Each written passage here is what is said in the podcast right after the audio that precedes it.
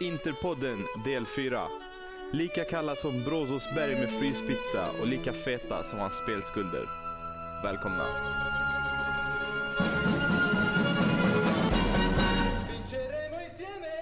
Yes, varmt välkomna till avsnitt nummer 4. Eh, idag har jag med mig den, eh, ja, hur, hur presenterar man honom? Den eminente Hampus Kerki.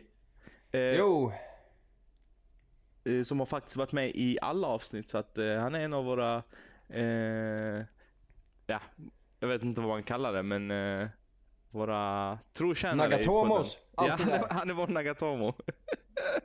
Fast han har eh, rastaflätor.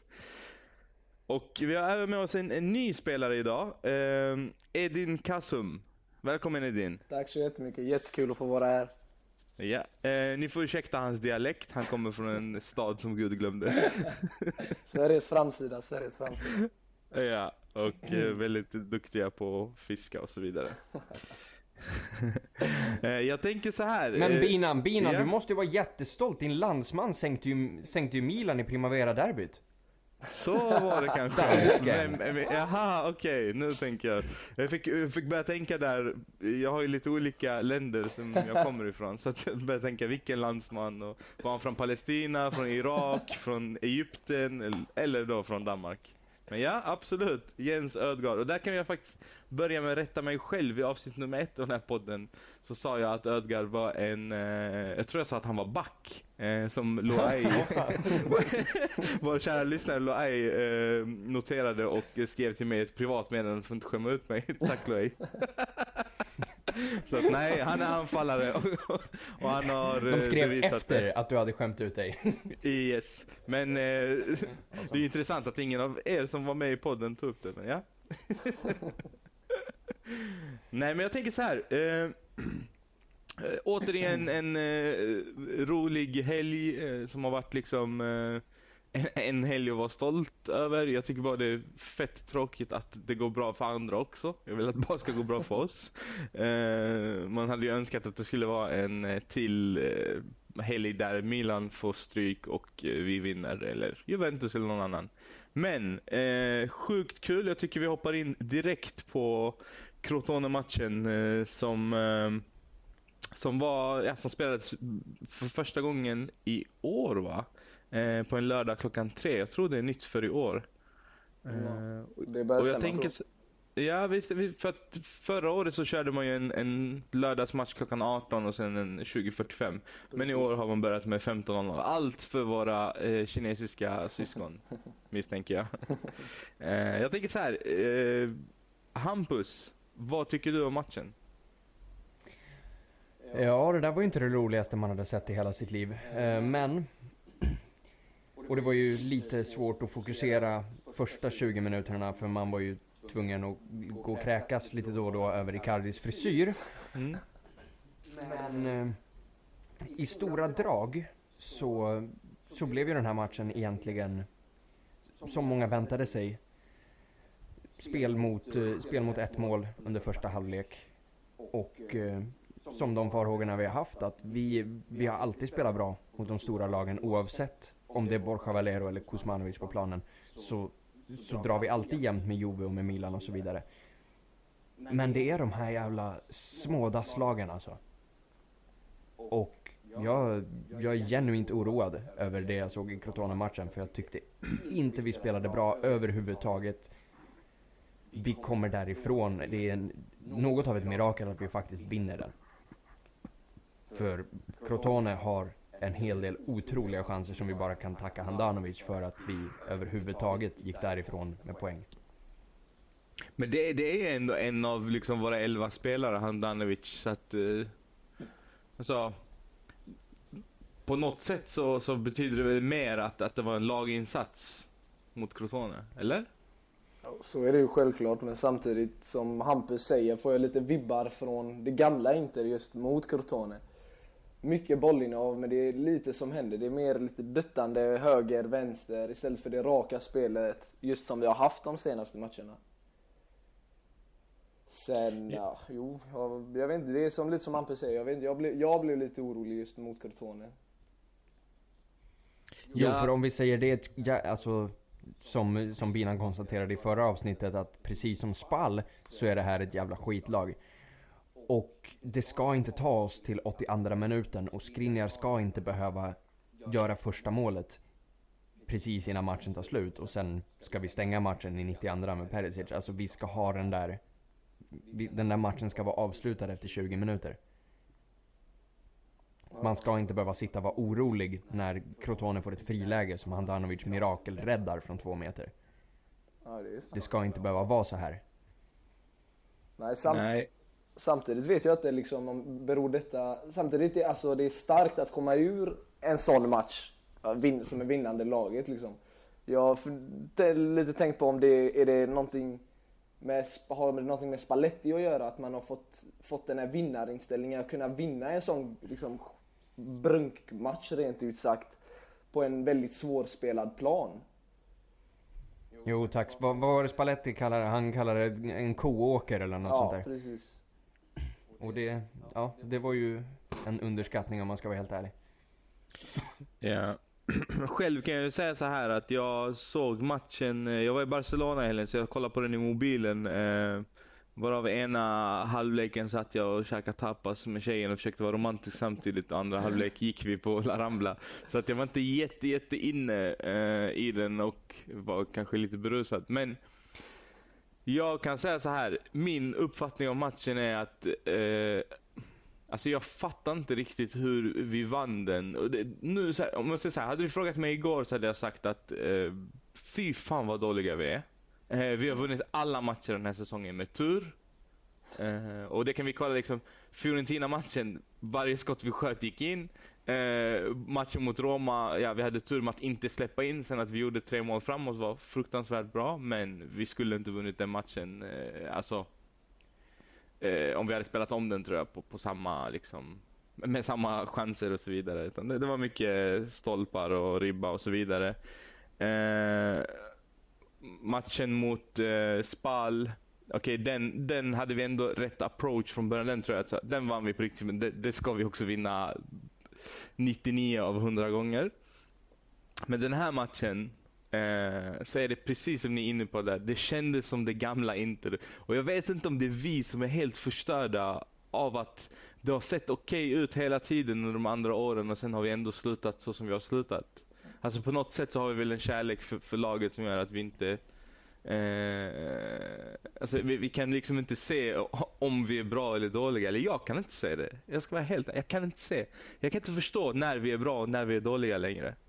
För att det känns Nej. hur vi än spelar så känns det eh, ena dagen bra, andra, andra dagen dåligt. Och sen så kollar man betygen i, i, i de här eh, alltså, tidningarna i Italien, Gazettan och, och eh, ja, Corriere della Sera eller vad det heter. Och så blir man så här, oh, man håller ju nästan inte med om någonting. Jag fattar Nej inte, men om vi säger, vi kan, ju, vi kan ju bara ta lite snabbt tidningarna där. Att de, de, de går ju inte att lita på. Eh, för på ren, alltså, på ren partiskhet. Att till exempel Corriere della Sport är en tidning som skrivs i Rom. Mm. Så ja, självklart kommer de aldrig digga oss. Eh, Tuttosport är Juve Ja, delägare i Gazettan, tillhör Berlusconis mediaset. Så lita Alltså, inte på den italienska nej. median. Alltså, det, det, är bara, det är bara poänglöst att göra. Ja, alltså, alltså jag håller med dig till viss del. Jag har gjort så här också, så alla vet. Jag sparar eh, Gazettans betyg från varje match. Eh, jag kommer skapa en, en, eh, en eh, vad heter det? Eh, En mapp i, i gruppen tänkte jag som jag kommer ladda upp alla i. Eh, så kan vi kolla över säsongen och se om de hade rätt eller om vi hade rätt. Eh, För att eh, jag tänker, det, det känns exakt så här varje år att man kollar på deras betyg och så håller man inte med. Eh, det jag dock eh, sa i förra podden var ju att jag skulle hålla koll på Gagliardini i den här matchen eftersom att jag inte tycker att han är så pass bra och han fick eh, matchens eh, bästa Aj, aj, betyg aj. matchen innan. Eh, och jag vet inte, jag, jag känner mig ganska stolt över att ha haft rätt. Ja, nu, nu, nu, nu. Lugn, lugna puckar här för fan. Eh, ja, det var ju helt fel match att hålla koll på Gagliardini. För, för jag är ju en sån som som, som tycker mer om Gagliardini än vad jag tycker om min morsa. Men Det är ju bara att gå tillbaka och, och lyssna på förra avsnittet. Jag sa ju faktiskt öppet att jag förstår inte hur han kan vara så här hypad. Jag tycker inte att han är så pass bra som alla tycker och som alla säger. Eh, så jag kommer hålla koll på honom mot Crotone. Så det var det jag gjorde och, och jag vet inte Hampus. Ja, och det, det var ju lite otur för, för Gagliardini och, och alla hans fanboys, inklusive Mm. mig själv får man ju ändå säga. För mot Spall så, så hade han täckte mest yta. Han eh, hade bäst passningsprocent, han gjorde mest brytningar i vårt lag och så vidare. Så mot Spall var han ju bra, så där fattar jag ju fortfarande inte vad fan du har rökt där på San Siro. Ehm, men nu mot Crotone, så det där var ju inte så jävla bra. Mm. Och vad, vad, vad bygger det på då? Alltså, hur kan det komma sig? Har han en eh, låg lägsta nivå eller kommer han till sin rätt mot den typen av motstånd? Vad tror du Hampus? Eh, jag tror att mycket av det här, och jag tror att det här också hänger ihop med det du säger att du inte vet om vi spelar bra eller inte. Jag tror inte att det handlar om att eh, statiskt vara bra eller vara dåligt, utan det handlar om vad man är bra på. Och vad vi har bevisat nu, alltså mot, framförallt mot Fiorentina och mot Roma, är att vi är jäkligt duktiga på, på att spela effektivt och spela rakt. Och det kommer vara otroligt gynnsamt mot lag som Roma och mot, mot Milan, Juve. Det är därför jag inte är ett dugg orolig över att vi, över att vi knullar upp Milan ordentligt. Jag är inte orolig överhuvudtaget och det här kan ni ju komma och kasta tillbaks på mig sen när det skiter sig, men ändå.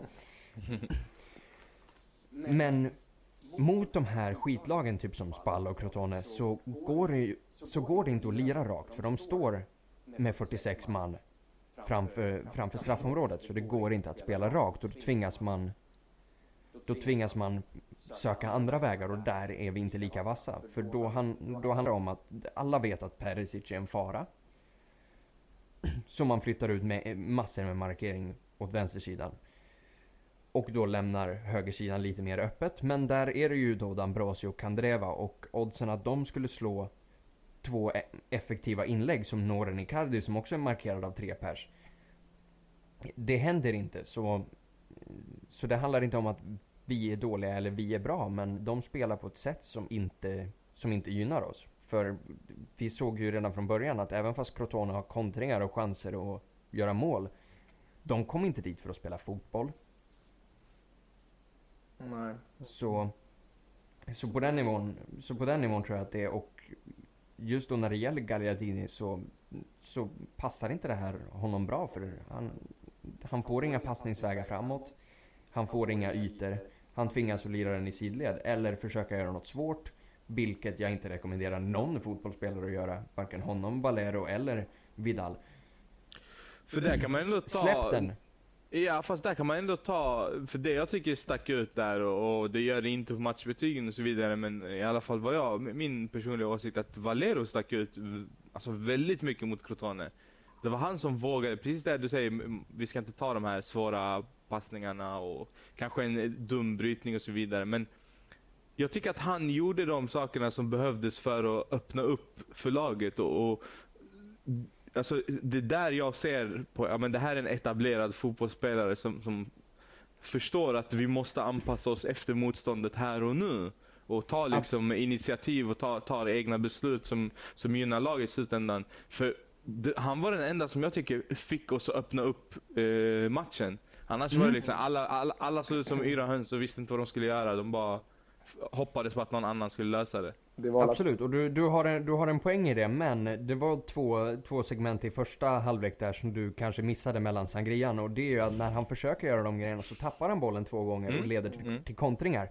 Mm. Och jag säger inte att han inte ska göra det, men det är ju en av riskerna som man tar. Mm. Och jag tror att det i Gagliardinis fall handlar om att, handlar om att spela det säkert. För han, det är de instruktionerna han alltid har fått. För Gagliardini är inte den som, inte den som ska föra boll. Vi har Jean Mario till det. Gagliardini är inte den som nödvändigtvis ska hitta de här 40 meters bollarna i djupet. Men vi ska fördela lite och det är det jag tycker Han, han ska fördela, alltså det, Mm. det Gagliardini gör, gör otroligt bra är att Gagliardini är alltid spelbar. Att han finns alltid, han finns alltid bredvid Mm. dig. Och en sån grej, och en sån grej var ju, det såg vi ju tydligt under förra säsongen när han kom in att han ändrade hela dynamiken i laget. Ja, det såg du. Ja, nu, nu självklart Nej, i, och med. Borja, i och med Borja Valero så faller ju inte den vikten lika tungt på honom i och med att vi nu har två spelare som klarar av att diktera tempo. Mm. Men under förra säsongen så var det bara han som kunde göra det. Edin då, vad säger du? Gagliardini eller Vesino mot eh, Bologna ikväll? Jag hade valt Vesino just för att jag Jag anser att Vesino är en, eller jag känner mig tryggare när han har bollen än Gagladini har boll. Eh, Det är liksom Sen att Gagladini är ju enligt mig en bättre spelare när det kommer till att vinna tillbaka boll. Jag tycker han många gånger står rätt när eh, de eh, motståndarlaget då har bollen och är snabb på att vinna tillbaka den. Men just det att, eh, just när det kommer till passningsspelet så känner jag mig ganska mycket tryggare med Vesino. Mm. Intressant. Sen som sagt, det Gagladini blandar och ger så jävla mycket. Mm, det är det jag också känner att, att det liksom den lägsta nivån är, eller han är lite ojämn eh, och, och har en eh, lägsta nivå som kanske är under det vi behöver. Så han kan typ ställa till det för, eh, ja, vi har ju inte hög nivå på alla positioner. Det kan Nej, vi väl vara ärliga med.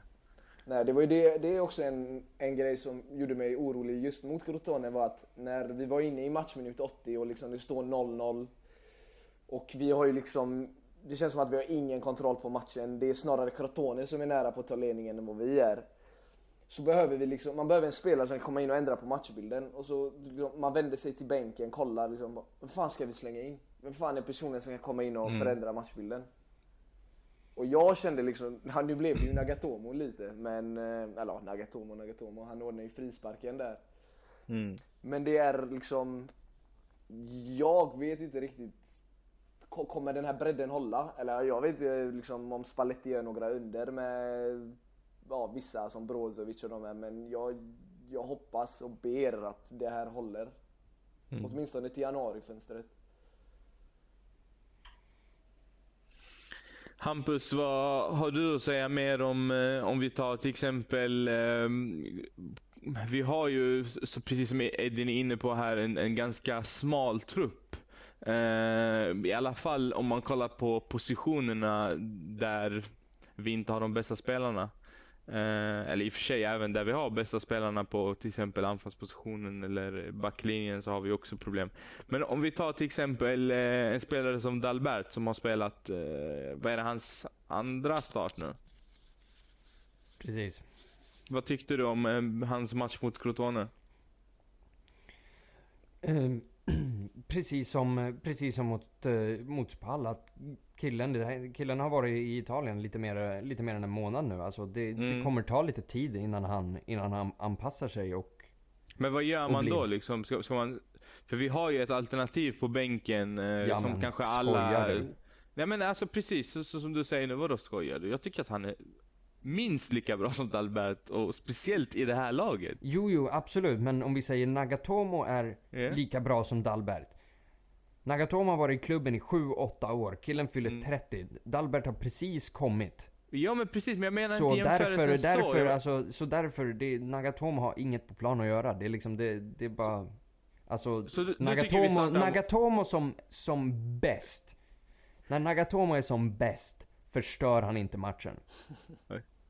Okej, men Och det, Hampus. det, vi kan inte jag- ha jag en sån måste- spelare, jag det måste, håller inte. Jag måste utmana det här, okej? För Shoot. att nu har, Na- Nagatomo har spelat, eh, alltså den här säsongen har han ändå spelat, vad är det, två matcher. Eh, ska vi se här, han har väl spelat två, ja, och hoppat in nu senast då. Eh, alltså, säg mig ett fel han har gjort under de här minuterna som gör att du kan döma honom den här säsongen. Om vi bortser från vad som har hänt tidigare och du bara kollar på den här säsongen. Är han Mm. inte värd att starta mot Bologna ikväll? Efter Eh, prestationen nej. som Dalbert hade i förra matchen mot Crotone. Ett, jag tycker inte Dalbert var dålig. Dalbert var absolut inte sämre än någon annan. Det var ingen som rundade honom på hans kant. Inga inlägg kom från den sidan. Det finns inget att gnälla på på Dalbert. Det enda man skulle kunna gnälla på i sådana fall är bara "Åh, varför slår du inga assist och varför gör du inte mål från mittplan? Alltså det, det är så här, det- han är en vänsterback. Mm. Om det inte Ja, kommer in in, inte om, på- det, om det inte kommer Mm. in och inlägg från vänstersidan så har han gjort sitt jobb. Mm. Men för att besvara din fråga, nej. Nagatomo mot Roma är, det är en ren tur för han släpper förbi inlägg på sin sida. Det kommer ett inlägg som han behöver, så han, som han försöker nickrensa tre gånger och knocka rakt upp i luften alla tre gångerna tills Miranda nickar bort det åt honom. Och det absolut viktigaste som man bör veta att, nej men absolut, Nagatomo kan vara bra en match. Nagatomo kan vara bra två matcher. Men Nagatomo levererar aldrig en säsong där man inte sliter av sig håret. Till Nagatomos eh, eh, eh räddning så bara vill jag slänga in här. Har Nagatomo haft en bra tränare någonsin? Eh, Ja, ja, det, det beror väl helt på. Det skulle jag väl... Det skulle jag väl anse att, att han har haft om vi, om vi tittar till, till hur resten av laget har levererat. Alltså, Icardi pangade in 22 mål under Mazzari. Mm. Och Nagatomo släppte väl in 22 mål under Mazzari också. Så liksom, så det där argumentet håller inte för det finns ju jättemånga spelare som har Nej, levererat jag- med pissiga tränare liksom. Jag lägger inte som argument, jag lägger det som, eh, som en liten eh, utmaning och en liten räddning till Ja men det, det gillar jag. För jag tycker så här, eh, min syn på, alltså vi alla har eh, exakt samma åsikt tror jag om Nagatomo om man har följt laget de senaste sex eller sju åren som Nagatomo har varit där. Att det är en spelare som kan avgöra matcher och inte på rätt håll.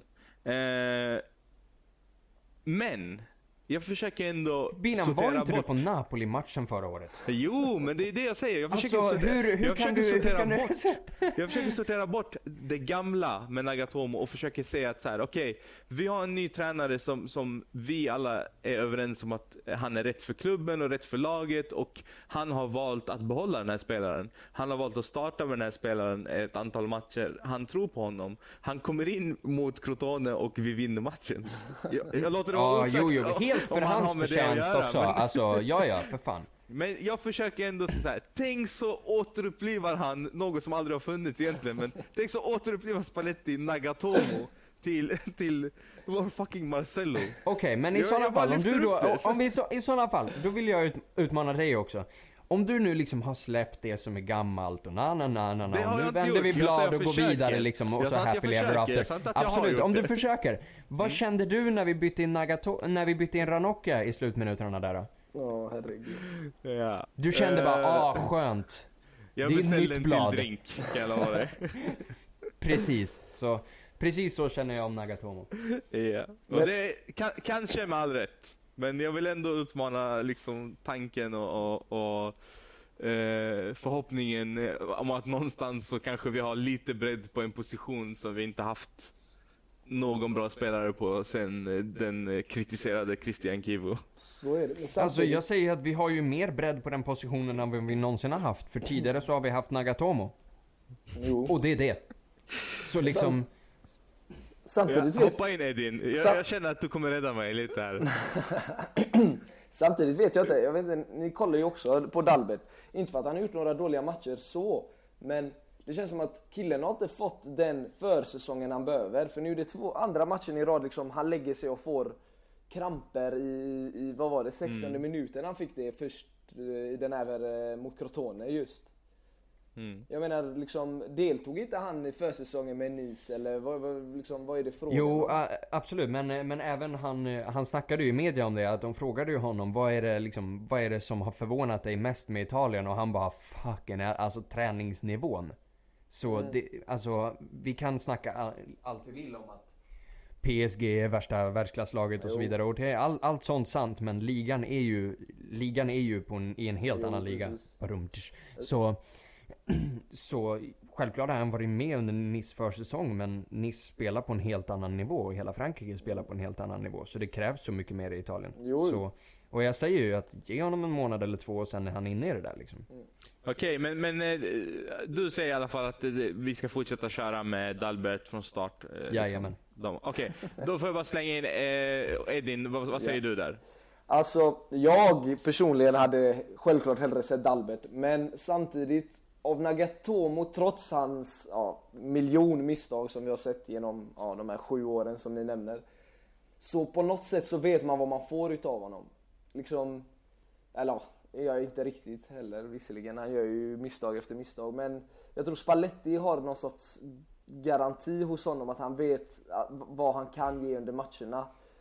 Men i, alltså i längden så hade jag definitivt försökt skola mm. in liksom Dalbert hellre än Agatomo. Yes, och jag säger som så här. Jag tycker precis som Edin där att man vet vad man får av Nagatomo lite halvt. Det är klart, man vet också att man kan få ett misstag som kostar ett mål. Precis. Men eh, jag tänker mer att han på något sätt känner till eh, medspelarna runt omkring sig bättre. Eh, jag skulle säga så här. Jag tycker det är bra att vi har en konkurrenssituation där. Sen om, om båda är dåliga och konkurrensen är på grund av det låter jag vara osagt. Men Ehm, att i alla fall att man, man kanske kan eh, men få två olika typer av spelare på samma position. Eh, för jag tycker att, att eh, Nagatomo har hittills i alla fall lite mer offensivt att vi, eh, eller visat lite mer offensiv eh, spelstil än Dalbert fastän Alltså jag, jag, köper inte riktigt det här argumentet med att Dalbert inte var så bra defensivt som alla snackade om och till och med Spalletti var ute och pratade om. Mm. Jag tycker mer att det man har sett från honom är att han är jättebra defensivt men jag har inte sett så mycket offensivt av honom. Eh, jag ska säga så här, vi har också tre matcher på en vecka eller på sju dagar nu. Eh, åtta dagar kanske det blir men det, precis som Eddie nämnde, han fick ont i två matcher i rad nu ganska tidigt och liksom hade smärta. Nagatomo var ju på väg in, in mot Spal också. Eh, så jag, hade, jag är helt öppen för, för att rotera lite där och, och för att egentligen kunna jämföra de två. Kan vara så att han behövde eh, jag försöker hitta så räddningar för Nagatomo. Det kan vara att han behövde konkurrens. det är någonting med den jävla japanen som jag tycker om. Jag vet inte vad. Nej, alltså som sagt. Eh, jag vet inte, jag tror alltså får Dalbert, eh, som Hampus nämnde, det var det gått en månad. Får han eh, några fler ja, månader och just det här samspelet med honom och Perisic på kanten. Så tror jag och hoppas att alltså, det kommer bli mycket bättre offensivt också. Det är lite... Det, det, är lite, det känns som att det är lite oklart mellan honom och Perisic där flera gånger just under Crotone-matchen att någon, ja, Dalbert slår en passning då han tror att Perisic ska sticka framåt men då står Perisic kvar, bollen rullar ut över sidlinjen. Mm. Så jag tror de behöver, de behöver lite tid för att spela ihop sig och ja, det kommer de ju ha så det, tiden får utvisa hur, hur Dalbert blir.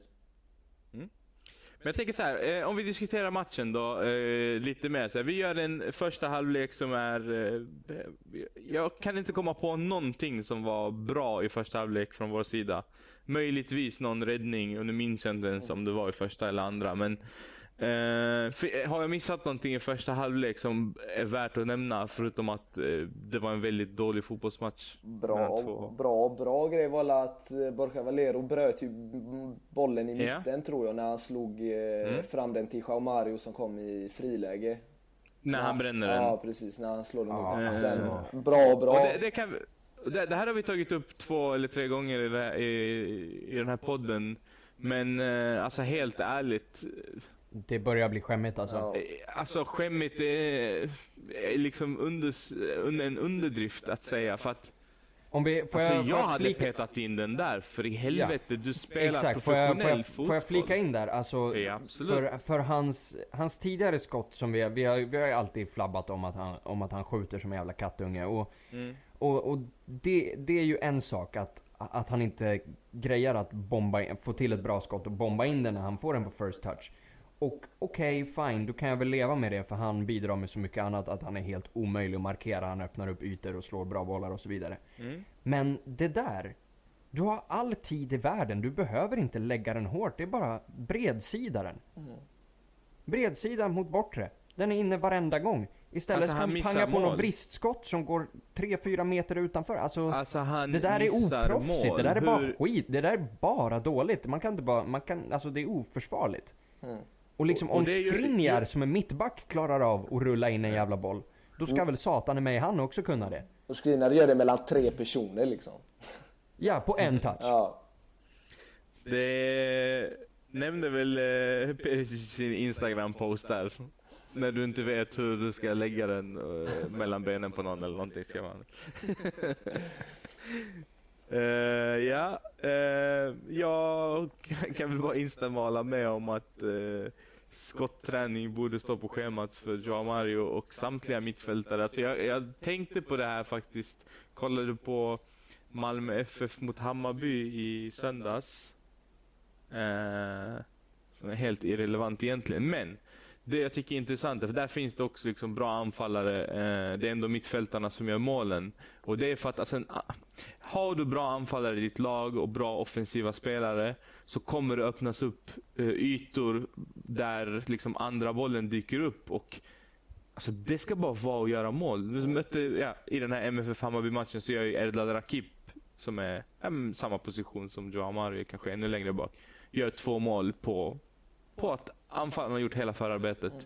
Men han kommer och petar in den när den dyker upp.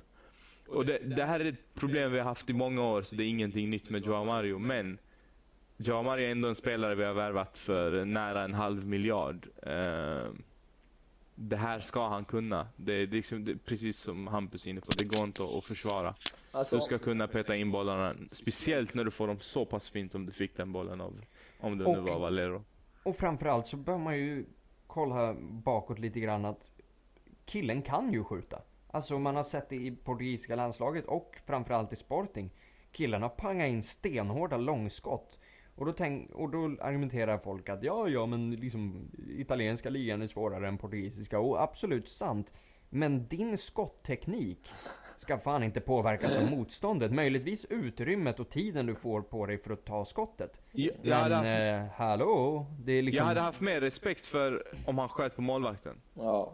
Men att du missar målet, det, det är för mig eh, oförklarligt. Men alltså om ni, om ni bara, liksom, om vi tänker tillbaka till eh, förra säsongen då Inter fullständigt körde över Atalanta hemma. Så gör mm. ju, Banega gör ju två mål så när bollen kommer snett in bakåt. Ja. Och det är just den... Och Gagliardini pangar in ja, ett precis. långskott, binan. Just precis. det. Mm. Ja, precis. Gjorde han ett eller två den matchen? Gagliardini, Gagliardini gjorde ett. Ett, okej. Okay. Så liksom, det är just den vikten av att vi har en spelare som kommer in på de andra bollarna. Liksom, det har blivit, mm. det varit för, för jävla dåligt just med de här avsluten som kommer som andra bollar. Alltså liksom, det känns näst, nästan till meningslöst för Perisic och Kandreva att ens kolla upp på den andra bollen. När det är liksom lika bra att slå in den och hoppas på att Icardi står där och liksom får den på sig så han kan trycka dit den. Och det här är, har vi också varit inne på tidigare, även eh, Spalletti har varit inne på det då att Brozovic är ju den han, eh, Spalletti säger att eh, det är den mittfältare han kan få flest mål ifrån. Eh, och nu så förstår man ju det. Eh, nummer två är väl också att han vill ju att Perisic ska komma in på andra bollen. Att Perisic själv ska gå inåt planen mer. Uh, och det syntes ju mot Roma tror jag. Men nu tycker jag att han har kommit tillbaka i sitt gamla hålla sig på vänstra kanten, eller? Jo, det kändes så mot Crotone faktiskt. Han var väldigt, eller extremt mycket ute på vänster. Men det kan vara mm. just det som Hampus sa också att, eh, vad heter det Crotone stängde ju mitten väldigt mycket liksom. De var mm. kompakta där bak och det är liksom att Perisic kände sig tvingad att stå längre ut till vänster för att kunna känna sig delaktig i spelet och kunna få röra bollen. Okej, men det här leder oss in i, i frågan eh, då, var det rätt att släppa Banega? Och alla sa att han inte skulle funka med Spallettis spelstil. Om vi bortser från sånt vi inte vet, det vill säga vad han gjorde utanför plan och så vidare. Eh, för det har vi inte fakta på. Om vi bara kollar fotbollsmässigt. Eh, är inte Banega en som hade passat perfekt in i exakt det vi ser idag? Nej. Skulle inte Banega kunna vara släpande istället för Joao Mario? Eh, nej, för, eh, för Banega gör inte det som... Eh, Banega gör mycket bra grejer men han gör inte det som Jamario gör. Och det Jamario gör är att han är konstant i rörelse. Han är snabb, stark, svår att ta bollen av. Och framförallt förflyttar sig. Han har ju, han har ju en ganska fri roll. Så det är väldigt, väldigt svårt att markera honom och, Ban och Banega är en mer statisk, klassisk trekvartista. Så nej, jag tror inte att det hade funkat. Jag tror att vi hade blivit ännu mer låsta i mitten. Och eh, Edin? Jag själv hade jättegärna velat se Banega just för de här avgörande bollarna, insticken som han kan slå. Visst, alltså, samtidigt som man har sett det av eh, Mario i vissa matcher så Så, så, så jag såg Banega väldigt som en, som en som en avgörande spelare i, i just de här trånga matcherna där, där han kunde hitta in de här bollarna. Men just det Hampus säger att han, han, han är ju väldigt statisk. Han, tar ju inte, han jobbar ju inte lika mycket som Jean-Mario gör. Så jag, jag tror inte det hade funkat lika bra under Spalletti som, som jag kanske hade velat. Men jag hade jättegärna sett honom kvar. Det hade ju varit en så mycket behagligare spelare att kunna kasta in från bänken istället för Brozovic. Så, mm. så långt är jag ju villig att gå, men äh, att, äh, att han hade att han hade löst de här problemen tror jag inte att han hade gjort. Nej, alltså det, min tanke där, jag, jag, skulle säga så här. Jag tror att han, eh, precis som Edin är inne på där, att en sån här match hade han varit, eh, jag hade startat honom eh, mot de här lagen som, som är väldigt eh, låsta. Men eh, för det jag menar är att alltså, vi har väldigt mycket rörelse i Valero, vi har väldigt mycket rörelse i eh, ja, Gagliardini eller Vesino. Eh, och jag tänker att, att just den rollen som det är nästan lite för mycket rörelse, förstår ni vad jag menar? Mm. Att alla är väldigt, väldigt rörliga och att det blir liksom eh, nästan pannkaka. Att det är för många som eh, är på för, för mycket ytor. Eh, men ändå, när det kom, ja precis, men när det kommer till de avgörande lägena, vilket det är, nu kan vi göra mål, det är det enda som spelar någon roll. Där så har vi för få. Mm. Och det, just därför tänker jag att det kanske hade varit ännu bättre med någon som är lite mer statisk. För då vet man att langar jag in bollen dit och det inte blir mål och den lämnas en retur så har vi en där som han kan fan stå still och skjuta den upp i krysset. Så att, eh, jag vet inte, jag, jag känner bara att, att, eh, att vi har väldigt rörliga mittfältare eh, och vi har väldigt rörliga yttrar. Eh, för att även eh, Kandreva har försökt börja gå inåt eh, istället för Dambrosio, tack gode gud. Men eh, så, så jag, jag, tycker att, att, att vi skulle mer ha en, en lite mer statisk som är närmare anfallet. Eh, och så vill jag hoppa in direkt på eh, anfallet. Och jag, och jag bortser från Perisic och Kandreva och vill diskutera Icardi. Och jag kommer inte säga någonting mer än eh, Hampus, du får börja där. Uh, ja, jo då, då är det väl dags. Alltså det, Icardi fick ju lite kritik men det flög ganska obemärkt förbi med Crotone-matchen för han får ju inte han får ju inte en enda jävla boll att jobba med hela matchen. I all ärlighet. Men Icardi-kritik har det ju varit ganska ganska bra med på senaste tiden och då tänker jag ju framförallt på en tjock jävla argentinare. Eh, Diego och Maradona. det, och det är inte Higuain, det är en annan fet argentinare. Och nu har jag, nu har jag fan i mig fått nog med den här tjocka, koksade jävla dvärgkopian av Tony Montana. Så Uh, för er som in, så nu går vi igenom allting från början. Att... Uh, uh, viewer discretion is advised. Jajamän, gå och göm kidsen i garderoben för nu jävlar.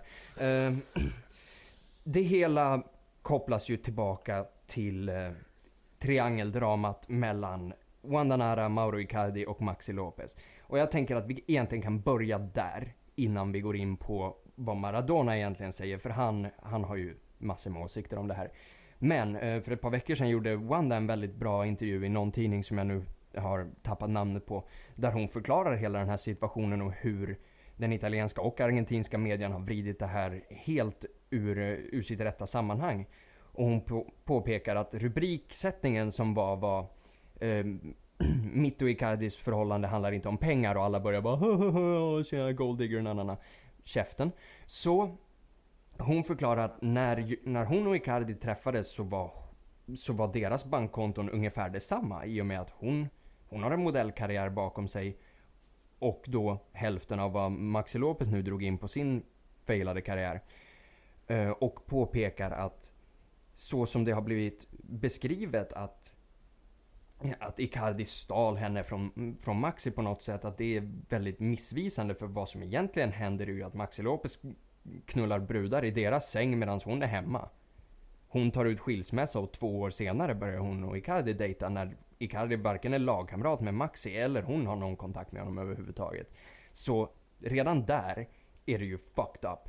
Sen kan man ju också påpeka vad är det för satans jävla kvinnosyn som folk kommer med när åh Icardi stal henne. Hon har väl ett eget jävla val också. Käften på er. Så. Men det här har ju, hela den här situationen, det har ju verkligen varit en nagel i ögat för, eh, för den moraliska överprästen, den etiska grundstenen i vår civilisation, Diego Maradona, som aldrig har gjort någonting fel. Förutom då att han har koxat upp hela si, sin totala rikedom för sin fotbollskarriär, chillade med maffian när han, när han, hängde, när han spelade i Napoli. Och nu, ja men fin kille, nu har erkänt en av sina Jon Snows. Så, samtidigt då, som, eh, som Icardi, då är styvfarsa åt tre kids som han plockade upp när han var 21. Medan deras riktiga farsa gör vad fan nu han gör. Och det här, det här är ju då, det här är ju då typ det värsta som har hänt sen, sen Maradona föddes enligt honom då. då. Uh, vilket blir lite paradoxalt sett till vilken person han är. Och man undrar, okej, okay, men varför är det här så viktigt för dig? Skulle det kunna vara för att du ville ligga med Wanda för 20 år sedan? Eller skulle det kunna vara för att din fru ser ut som en pungsparktjänst? Jag vet inte Diego, men pinsam är du, så käften och stick. Klar. uh, och Alltså det vi kan nämna här är ju då att uh, det senaste han har gått ut och sagt är väl, ja det var två jävla skitanfallare man aldrig hört talas om. Att de skulle vara fem gånger bättre än eh, Mauro Icardi. Så ja, att, eh, precis. Eh, Lucas Alario och eh, Dario Benedetto. Mm, Det- Precis, absolut. Och det är därför Lucas Alario då lirar i River Plate och pushar 26-27 och Dario Benedetto, han kom, går från sin mexikanska klubb och gör ett nerstepp till den betydligt mindre klubben Boca Juniors, eller mindre och mindre men det är mindre pengar än den argentinska ligan. Så ja, absolut. Absolut. Icardi, Och- Icardi har fan tagit, tagit topp eh, top 10 målskyttar i Inters historia. Men jo då, för fan Dario Benedetto som aldrig ens har varit i Europa, ja ja, han är fem gånger bättre. Vet du vad som också är fem gånger, vet du vad som vore fem gånger bättre där, däremot Diego? Om du bara dog. Alltså allvarligt, du, du är en gammal knarkare, det är dags snart. Oj jävlar. Okej. Eh, Interklubb jag står inte bakom eh, det här uttalandet från Hampus. Högst personligt. Eh, Men jag delar din ilska, det gör jag faktiskt. Jag tycker att den här jävla pajasen borde hålla käften, det räcker. Och, att Och, liksom, och det vad, här- vad, har- vad har han varför gjort då? Vad, vad, är vad är han för någonting? Varför ger vad, vad, är, vad, är, vad är Maradona airtime? känd för? Varför är Maradona ansedd som liksom en av de största någonsin? Ja, för fusk! Den första associationen folk har till honom är en hands. Är det något att vara stolt över? Clown. Ehm, osäker på om Hampus kan cykla. Han är jävligt arg i alla fall. Ja.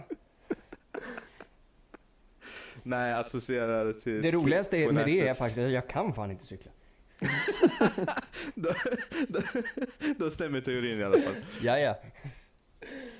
Eh, ja, det var Hampus lilla rant om, eh, om en av de eh, mest omtalade genom tiderna. Låter det vara osagt om, om det är för att han var en bra fotbollsspelare för att han var helt dum i huvudet och fortfarande tydligen är det. Eh, men vi kan inte ta ifrån honom det han har gjort på plan. Han har varit helt otrolig på planen. Men han behöver ju inte skämma ut sig med att fortsätta de här jävla pajasuttalanden. Eh, och samtidigt så förstår jag inte, varför får han ens rubriker? Vem bryr sig om vad han tycker om, om argentinska landslaget? Har inte han visat att han inte har någonting med argentinska landslaget att göra eftersom att han skämde ut sig totalt genom att få leda dem eh, i ett VM och eh, inte tar med två spelare som har vunnit precis allt som gick att vinna eh, året innan. Och då pratar jag självklart om Cambias och Zanetti. Var Samuel med ens? Nej, det tror jag absolut inte.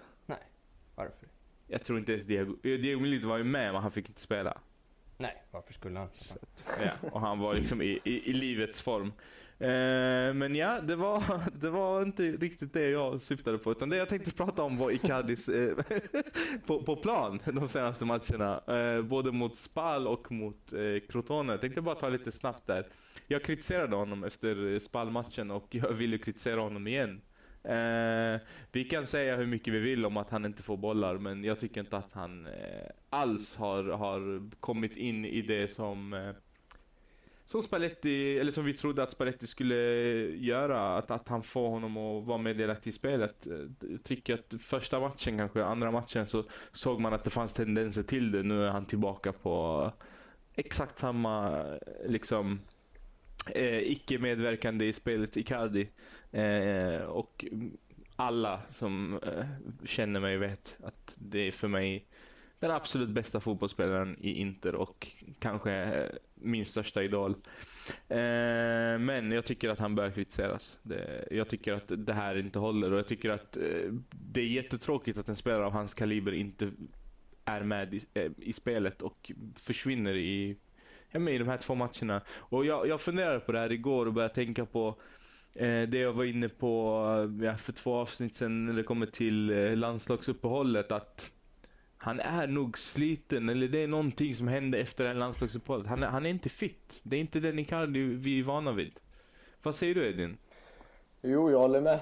Eh, samtidigt, alltså, just mot Crotone så var han väldigt isolerad där uppe. Liksom. Det var, det var, visst, det, han, hans rörelse kunde varit bättre. Han hade kunnat komma och försöka få sig involverad i spelet. Sen om, om det var något taktiskt upplägg från Spallettis sida vet jag inte som sagt. Men eh, det, det, det, är lite det, det, du är inne på att han, han, som sagt han var ju skadad långt fram till ja, försäsongens slut. Vi, vi, mot vilket lag spelade han? Var det Villarreal? Han spelade första matchen. Ja, eller Real Betis kanske. Ja, det var någon av de här spanska ja, på slutet. Precis, eh, där han gör sin första match och då är det, vad är det, var det ens en hel halvlek? Eller var det hela matchen? Hur var det?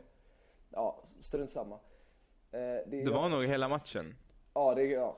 I alla fall, mm. han, alltså just, just för, för de här fotbollsspelarna, de behöver ju liksom, det är klart, träning är en sak, match, matchträning är en helt annan. Han, han, han, jag tror inte han haft tiden att komma in i, i sitt i matchtempo i just där 90 minuter. Och som vi vet, Icardi är inte spelaren liksom som står där längst uppe och liksom skiter i pressspelet. Han är ju verkligen en spelare som alltid tar löpningen. Han är alltid den som sätter igång pressen för Inter. Mm. Så liksom det, det, känns som, det är lite det du är inne på, han är inte, han är inte fullt, fullt fit för att jag tror det här landslagsuppehållet förstörde nog mer för honom än vad det liksom gynnade honom. Det är liksom vad jag känner.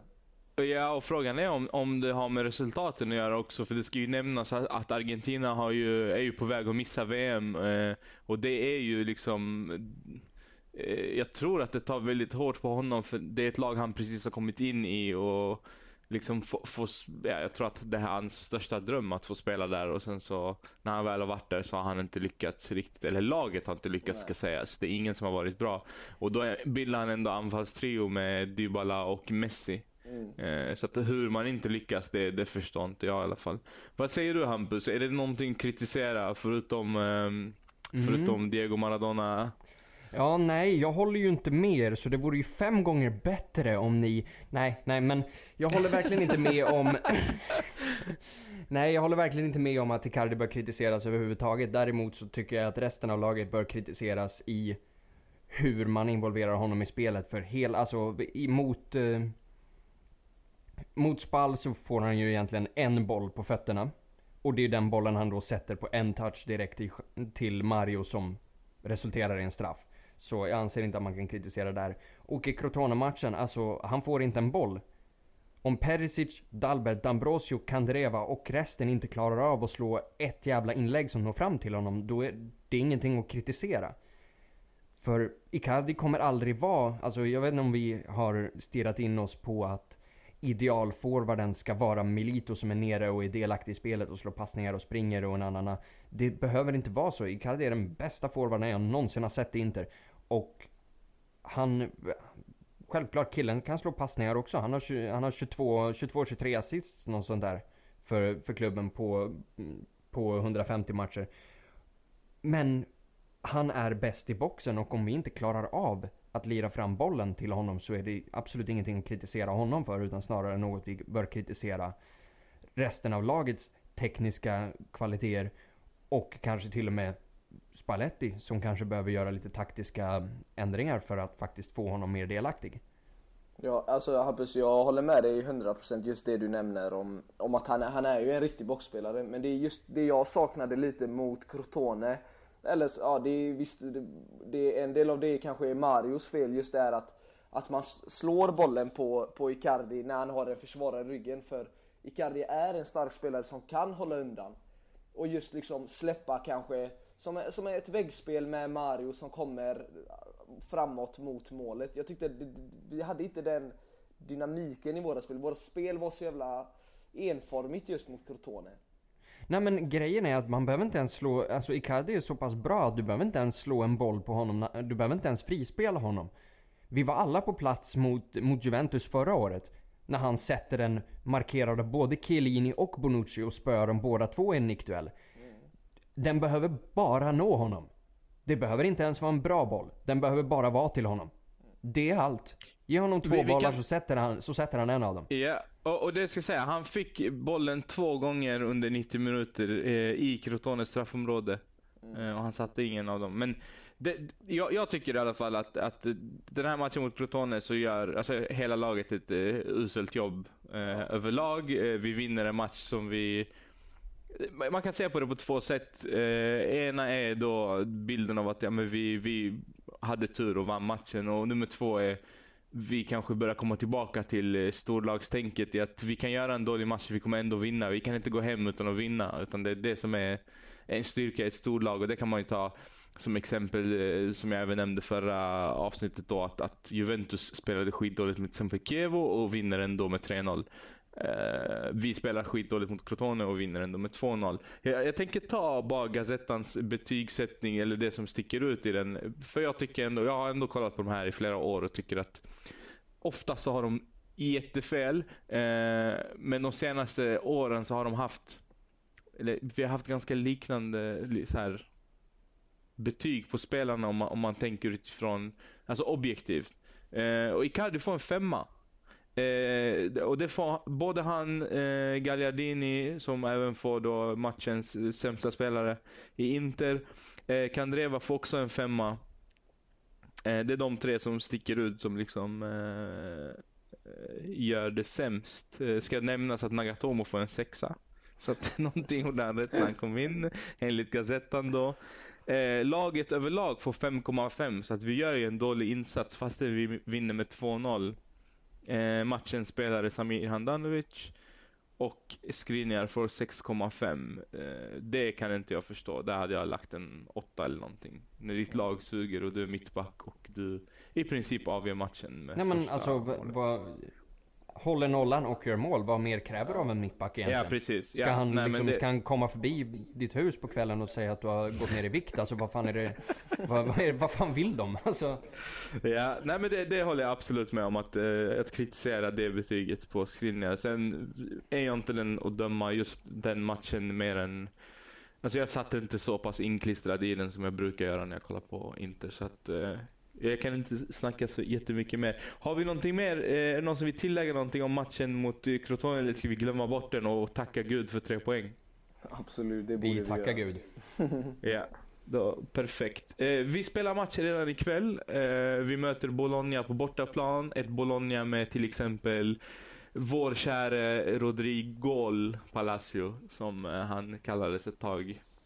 Ehm, jag skulle säga Som han också att, förtjänade, bara för att absolut, påpeka. Absolut, jag skulle, jag skulle faktiskt säga det. Att, att uh, Palacio har varit ett hett ämne, inte minst under förra säsongen när alla tyckte, alla och alla. Uh, många tyckte att uh, han skulle bänkas och att, eller inte komma in från bänken utan istället skulle Gabi No Goal Barbosa eller Gabi Ungol Barbosa komma in istället för honom.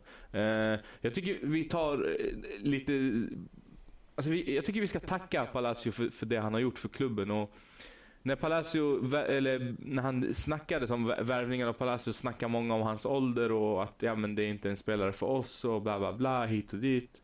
Eh, någonstans så diskuterade vi att han kommer faktiskt leverera eh, minst 15 mål per säsong eller många mål om han får spela. Jag tycker att han har gjort det jätte, jättebra i Inter och även under Alltså våra tuffa år så har han varit en ljuspunkt. Så att eh, för mig är Palacio en, en en som jag minns med glädje. Oh ja. Är det någon som vill hoppa in där och säga någonting fint? Absolut, framförallt får man ju, får man ju påpeka, att det är två grejer att framförallt så har han han har varit ett ärkeproffs och verkligen burit upp tröjan när det har gått som sämst. Mm. Inte gnällt, inte snackat skit om någonting, bara borrat ner skallen och kämpat på.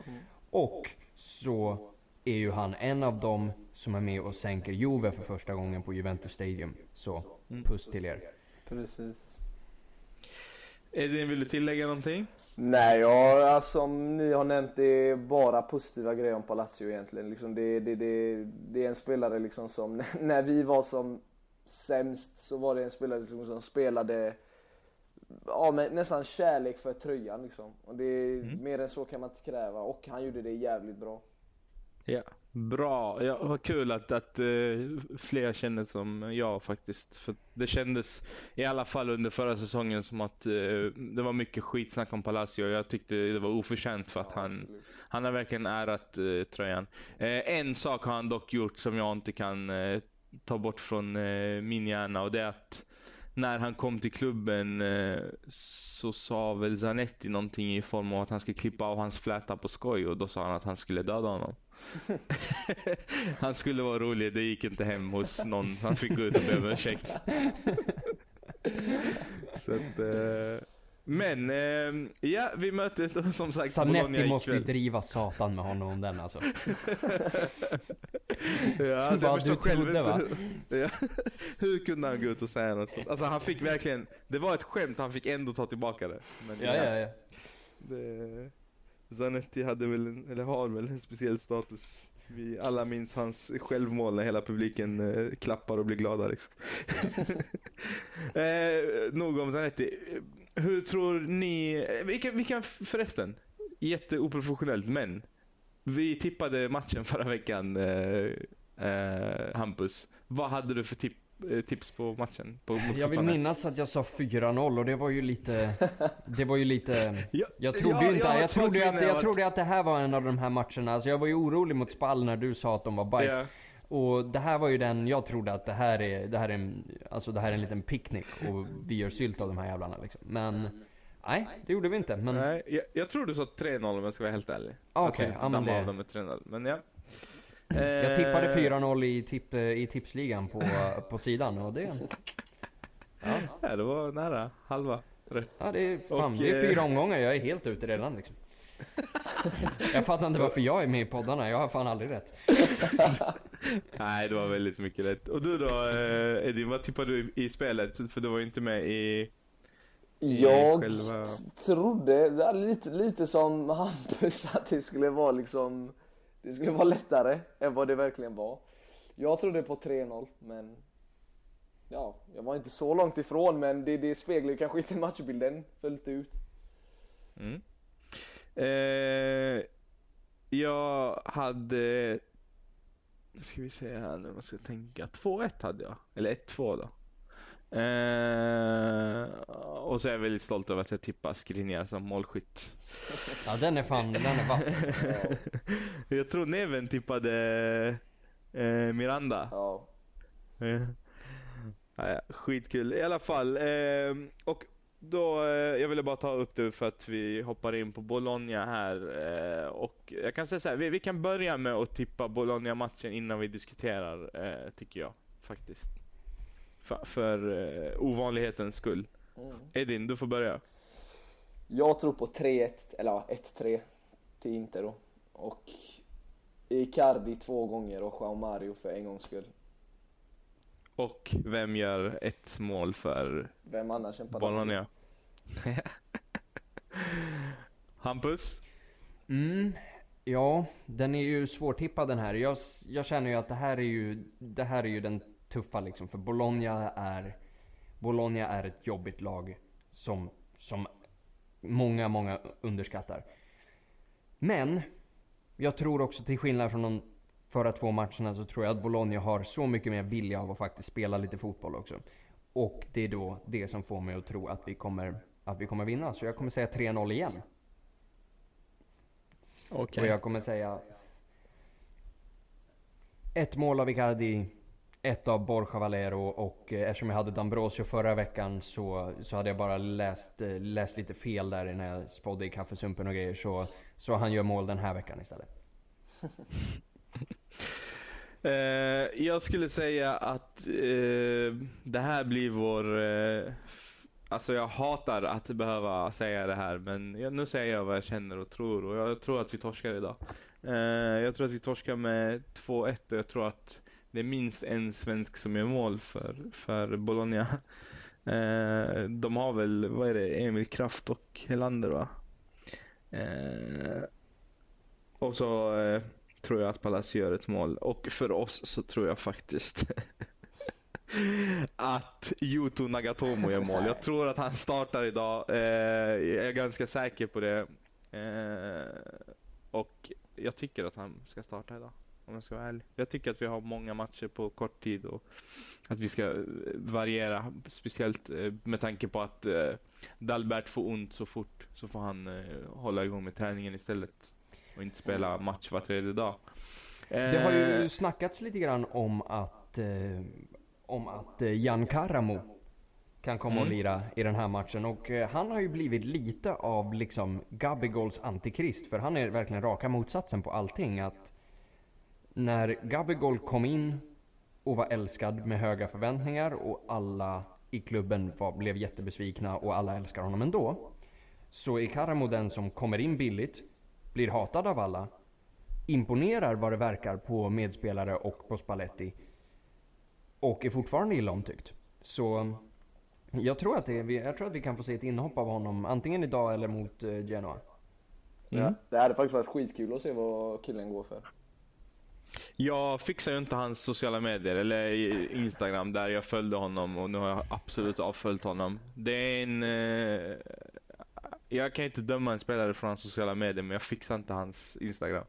Alltså det är en kille som kör boomerang effekt på sin story och där han filmar sitt ansikte och sen ner på sin tröja.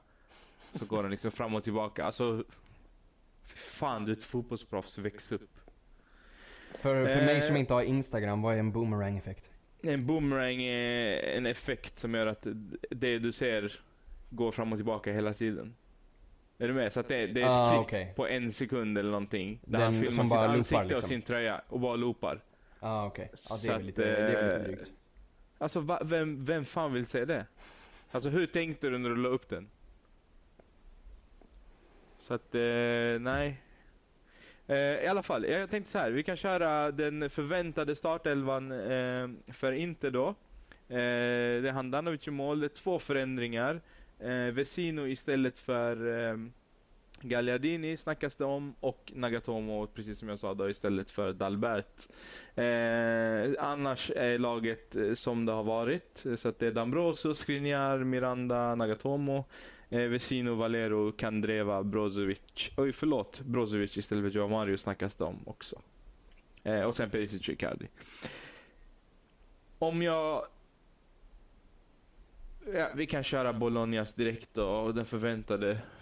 Eh, Mirante i mål, så har vi Kraft, Gonzales, Helander, Massina, en gammal interbekanting i Taider eh, och en till gammal interbekanting i Poli. Eh, Donza, Verdi och den tredje interbekantingen då, Rodrigo Palacio och Di Francesco. Eh, det är de förväntade elvorna. Sen kan det ju skilja sig såklart. Eh, om man kollar Ja. statistik, eller ja, vi kan ta statistiken där. Eh, av de 12 senaste bortamatcherna mot Bologna så har inte vunnit 10, så att vi, vi trivs där. Eh, om man kollar på vår form så har vi gjort minst två mål i de senaste eh, sex ligamatcherna. Eh, och sen så är det ju absolut eh, en stor eloge till försvaret och Handanovic. Att vi har ju bara släppt in ett mål eh, den här säsongen. Det är ganska jag vill sjukt alltså. Ja, man har nästan inte tänkt på det eller diskuterat det. Eh, och det är faktiskt väldigt sjukt. Jag tänkte på det, först trodde jag att vi hade släppt in noll mål. Men så kom jag på att vi släppte in ett mot Roma innan vi slaktade dem. Men det jag vill diskutera då är att sett till Icardis eh, form, eh, man kan säga vad man vill om, om eh, eh, om den och vi, vi ser på det olika och så vidare. Men vi, på Icardis position så har vi Eder och vi har Pinamonti. Eh, Icardi spelar alltid 90 minuter. Eh, eller allt som oftast ska jag säga. Nu när han inte är i världens form och vi har tre matcher på eh, åtta dagar. Så, så är min åsikt att Eder bör starta. Hur, hur ser du på det Hampus? Nej. Mer frågor eller? Okej, okay. Edin? jag är faktiskt inget fan av Eder heller för den delen. Um, uh, ja, alltså det, det du säger den tuffa matchningen är ju som den är just nu och det du säger att Cardi är ju inte i toppform. Men jag ser hellre en trött Icardi spela framför Eder. Alltså jag, jag, är med där, jag, jag är verkligen det. Eh, utifrån förra säsongen och allt det här så har man ju ett visst Ja, vi trodde väl kanske alla att Eder var en av dem som inte bar tröjan med stolthet och så vidare. Men så har ju inte visat sig vara fallet. Jag tror vi har haft fel bild. Han var ju också ute och, och, och eh, jag tror om det var i somras eller förra säsongen. Var han ute och snackade om det här med, med att uh, respektera tröjan man bär och att vissa inte gör det i laget. Uh, och då, även då trodde jag att vad fan, det är ju du som inte gör det. Men jag, jag, tror att vi har fel bild av honom för att han är en liten tjock brasse liksom. Men, ja, hela, den här, hela den här grejen med att vägra skaka De Boers hand och sånt där skit alltså. Det, ja men det sorry, kanske det, det går alltså, bort det, alltså. De Boer, De Boer är för mig en, en tränare som eh, som jag fick fel bild av. Jag tyckte om honom av ingen anledning alls. Det var att han vann mot Juventus. Eh, jag tror att en äcklig individ om jag ska vara helt ärlig. Och det där som sades med att hans eh, gamla eh, eh, om det var hans gamla lagkamrat som tog livet av sig på grund av hur De Boer behandlade honom så nu så här i efterhand så kan man nästan köpa det. Jag vet inte fan. Det, för mig är han helt, helt borta. Så det, allting... det, må, det måste vara, men det ska fortfarande inte ändra. För alltså, hur många, hur många kaffatränare hade inte Sanetti? Han, be, han betedde sig aldrig så. Nej, men Oavsett. hade till exempel eh, är det bättre att bete sig som Cambiaso och eh, inte visa det där utan istället bli ledsen eh, som han blev på Benitez och, och gråter på bänken? Jag vet inte. Jag tycker hellre om, om, om det nu är så att det bor vara en idiot så, så kan jag förlåta Eder för det. Men, men nog om det. Om vi, om vi bortser från det. Vi bortser, och så fokuserar vi på den här säsongen. Om vi bortser från förra säsongen och, och, och allt det där. Eh, Eder har visat sig bra i landslaget. Han har visat sig eh, bra under försäsongen. Väldigt bra skulle jag säga. Eh, han är i en klubb eh, som är på väg någonstans jag hoppas att det är uppåt. Eh, och med tanke på hur han presterade under, under försäsongen borde han väl vara ett alternativ när Icardi inte är i form.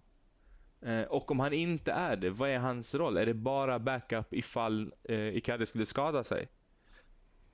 Jag tror han är... Han är ju backup skulle jag vilja tro till Perisic också. Och Kandreva, för han kan ju spela på de yttre positionerna också. Men absolut, jag tror han är, han, han är ju bara rent utav en backup-spelare. Sen som du säger, han gör en bra försäsong, det gör han ju. Men eh, det är ingen Ska spelare... Ska inte det premieras? Vad sa du att? Borde inte det premieras? Jag, jag tänker så här, vi har... Eh, vi, vi kan säga att det här är svåra matcher, men vi har eh, liksom Spal... Eh, eller förlåt, vi har Crotone, Bologna, eh, Genoa på eh, åtta dagar och eh, borde inte man typ på den positionen eh, försöka eh, rotera lite? Speciellt när det kommer till, ja men det här är lag som kanske inte spelar den typen av fotboll som gör att det, det alltså det är inga topplag vi, mö, vi möter om man säger så. Jag hade ju hellre lirat eh, Eder mot, eh, mot Genoa och Benevento mm. i sådana fall. Allra, egentligen allra helst mot Benevento och, lira i, och vila i Cardi en vecka innan det är dags för mm. Men, det men under det här så, men, men visst finns det en logisk grej att, att vi borde under de här matcherna i alla fall eh, rotera ja. på den positionen. Ja det är det absolut. Eh, det, det, det, det är för, för tätt inpå liksom. Matcherna är för tätt inpå för att Ja, I alla fall nu för Icardi skulle jag uh, vilja tro att det är för tätt inpå för att han ska klara av matcherna och spela liksom med sitt riktiga jag i 90 minuter. Framförallt så skulle jag ju verkligen, nu, gå, nu är det lite ahead of time här, men uh, jag skulle verkligen vilja bänka honom mot Benevento för det där är en match som, som vi ska ha oavsett. Ja. Och den där planen de lirar på kommer det, det, det bara skriker Icardi skada om hela den matchen. Så jag skulle jättegärna sätta honom på bänken då för att ha honom fräsch och utvilad mot Milan. Men det, nu är jag ju tre veckor framåt i tiden. Ja, och då är vi strax innan ett landslagsuppehåll igen va? Eh, för det är väl där i början på oktober som vi kör ett landslagsuppehåll och ska han iväg då till Sydamerika igen så ja, jag vet inte. Jag tycker i alla fall att det är dags att, att eh, det där är svårt, för att eh, som, som, som, tränare så vet jag inte hur jag hade resonerat när det kommer till Icardi. Han är inte i form, jag tror säkert att eh, eh, att bänka honom eh, kan förstöra hans självförtroende ännu mer. Eh, precis som en, eh, liksom, ja, men, en, en duktig säljare när han inte är i form. Om, om någon annan går före så kommer han inte hitta tillbaka och så vidare. Grejen är att med Icardi där, alltså det här med Icardis självförtroende, alltså det här har det ju snackats om tusen gånger och varenda gång man pratar om att Ja, oh, det var länge sedan han gjorde mål, eller hans självförtroende är dåligt, nanana. Varenda gång det snackas om det där så levererar han ju jämt. Så jag tror att han är så mycket mer mentalt stark än vad, än vad, än vad vi ger honom credit för. Mm. Ja, alltså det, det, måste han vara med tanke på att han eh, har en väldigt kontroversiell eh, eh ett kontroversiellt förhållande samtidigt som han har hand om fem barn. Eh, eh, och spelar, är lagkapten i Inter och eh, spelar ihop i anfallet med Dybala och Messi i argentinska landslaget så tror jag att han är väldigt, väldigt mer skärpt än vad man tror. Oh ja. Och, och vi såg ju bara hela, pro hela problematiken med, med kurvan förra året. Rörde ja, och det verkar inte vara löst heller. det där.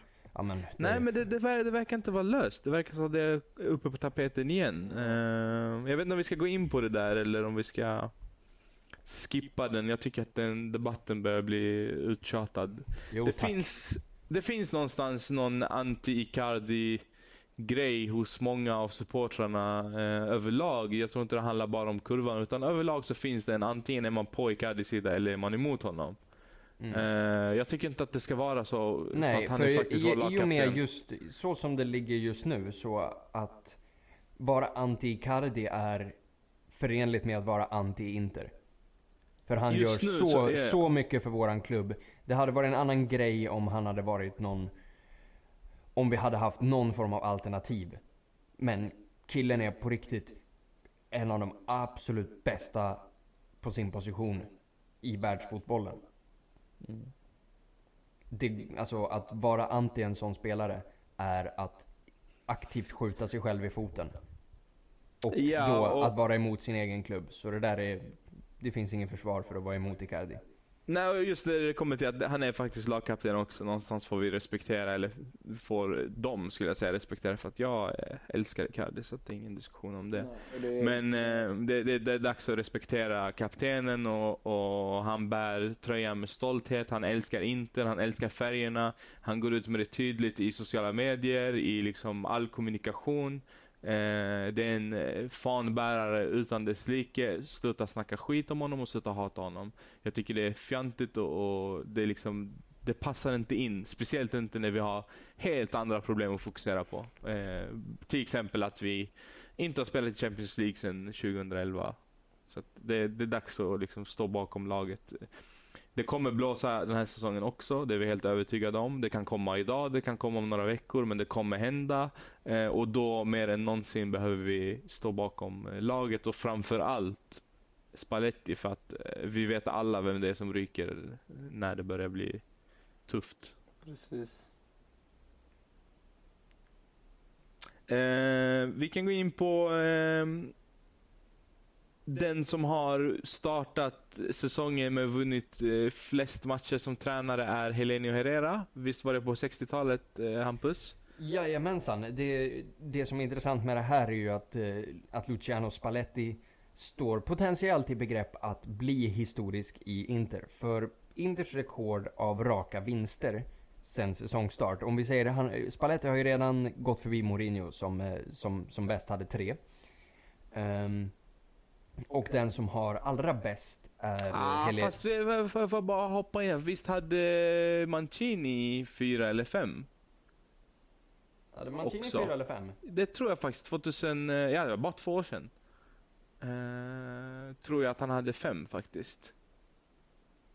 Men det, det slår ju ändå inte rekordet. Nej, precis. Uh, men för rekordet sitter nämligen Helenio Herrera på. Uh, den gamle Grande Inter-tränaren som säsongen 66-67 tog mm. sju raka vinster från, från säsongstarten. och Mancini har ju då, eller nu ska ni höra, Spalletti har ju då så här långt fyra stycken. Eh, med, med begrepp att bli historisk i och med att nästa match är Bologna, Genoa, Benevento. På de tre så har vi då tangerat rekordet med sju raka vinster om vi skulle ta de tre. Och då blir det ju intressant och den åttonde matchen är derbyt mot Milan. Ja, det... så det är, en, det, det är mycket att begära. Men omöjligt är det absolut inte, eller vad tycker ni? Nej, absolut inte omöjligt och... Eh, eller ja, ska jag vara helt ärlig, jo det är omöjligt. nej, det skulle jag inte tycka. Det är en extra morot för spelarna också liksom. Att, eh, hur mycket de nu än bryr sig. Men eh, det är klart, det, det gör dem nog extra taggade också för att gå in. Sen är derby alltid ett derby. Liksom. Det, det är absolut inte omöjligt. Uh, jag kan ta det. Säsongen 2015-2016 då uh, körde, eh, vann vi mot Atalanta, uh, Carpi, Milan, Kievo och Hellas. Så det var fem stycken raka som Mancini hade. Och sen kom Fiorentina. Sen kom Fiorentina och uh, satte oss på, ja, satte stopp för det med 4-1 borta. Ja. Hemma till och med.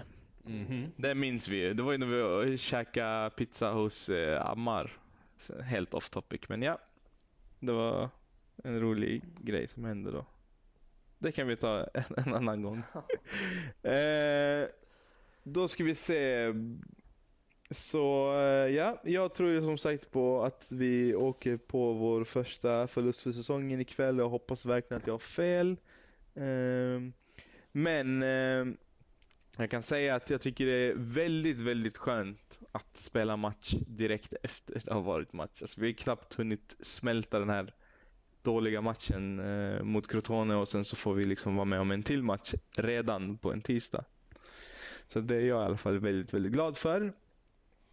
Eh, och jag tänkte att vi kan diskutera även Genoa-matchen. Precis, men eh, innan vi gör det så, yeah. i och med att vi har dragit skadeläget, och det här är ju en av anledningarna till att jag är ganska säker på att vi vinner. För Mattia mm. Destro har ju varit tveksam till spel, men är uttagen yeah. i truppen. Men det finns väl en gedigen risk att han inte kommer starta. Men Bologna saknar också den spelaren som jag anser är deras bästa spelare i Ladislav Krejci. Mm.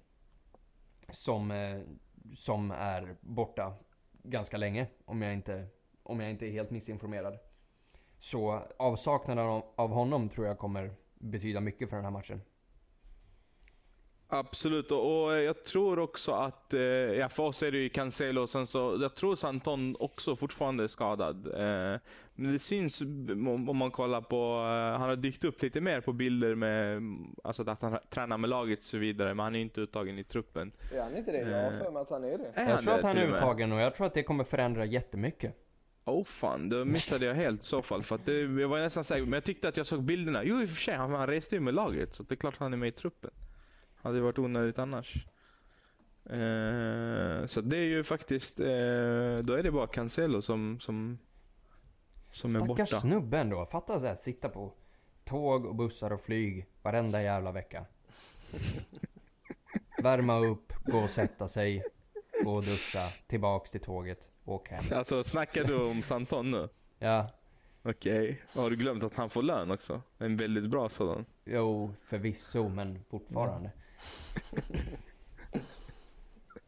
Eh, är det någonting mer vi behöver diskutera om Bologna-matchen? Eller, alltså jag har lite matchnerver redan, det är därför jag inte vet riktigt vad jag ska säga. Eh, Det är mer att vi, jag känner mer att jag hoppas att de går in och övertygar oss alla idag. Att det är liksom, att det blir en, en seger där man kan liksom för en gångs skull med lugn och av, ro. typ. Ja precis, att det inte är det här fan.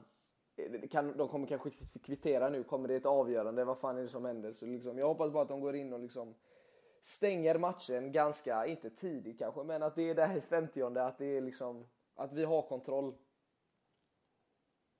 och, och visst är det så också att, att alltså vi, vi vinner matcherna sent, eh, eller ja, jag ska säga Perisic avgör matcher, matcher sent för oss. Men eh, alltså det, det, det är ju skönt på något sätt. Eh, för att det blir mer spänning i det. Men eh, jag i alla fall hoppas att vi kan göra ett mål tidigt om, om det ska bli Absolut. bra liksom idag. Ja. För att det, det känns... Jag har alltid känt Det man att ska det... vara... Ja, fortsätt. Ja? Nej men kör. Ja, nej, jag har alltid känt att vi, liksom, vi har varit ganska dåliga på just det här att stänga matcher. Det är liksom, vi gör 1-0, har kontroll och sen i andra halvlek börjar vi tappa. Liksom. De, tar, de tar över, de närmar sig och sen som du nämner liksom, i 90 eller liknande där så kanske kommer en, ja, Perisic och avgör. Och eh, jag jag tror att det här är en match där våra ytterbackar sätts på prov. Eh, det, det är mycket av, men det kommer ju bli omställningsspel från Bolognas sida tror jag idag. Eh, och att det är liksom just våra ytterbackar som kommer behöva visa sig idag. Eh, för att Skriniar och Miranda är all ära, men de kan inte göra allting själva. Speciellt inte nu när Skriniar ska vara uppe och göra mål också. Som vi har lärt oss att han kan. Eh, ja, med det sagt så, så stänger vi den matchen och hoppar in på Genoa lite snabbt här. Eh, har du någonting att säga om den matchen spontant, eh, Hampus? Eh, spontant? Ja, jo, det är jättespontant är det väl inte, men eh, Pietro Pellegri kan vi ju Mm. börja med. Holy fuck. Vad är han, Alltså, 16? vilket jävla...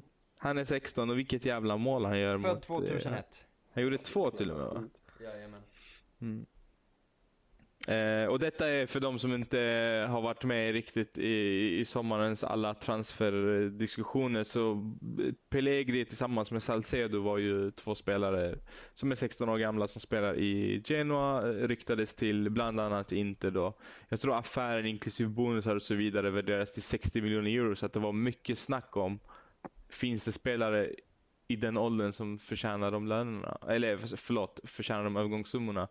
Eh, jag tror att vi var väldigt bra på det där och då och hade chans att värva dem. Eh, men eh, ja, vi utnyttjade väl inte det till fullo. Och då skulle de spela kvar i Genoa i två år så att de hade ju fått Serie A-erfarenhet, eller ytterligare Serie A-erfarenhet om man säger så. Eh, nu är det väl Milan som sägs vara närmast att knyta till sig dem, eller i alla fall Pellegri, i januari va? Mm. Precis. Di Marcio argument menar ju att det är klart och så får vi ju se hur det blir med det. Men Mm. Ja, eh, Genoa brukar vi ju trivas mot. Eh, varje gång man tänker på Genoa så tänker man, eller tänker jag på Stankovics mål från halva planen. Jag vet inte, det kommer aldrig försvinna.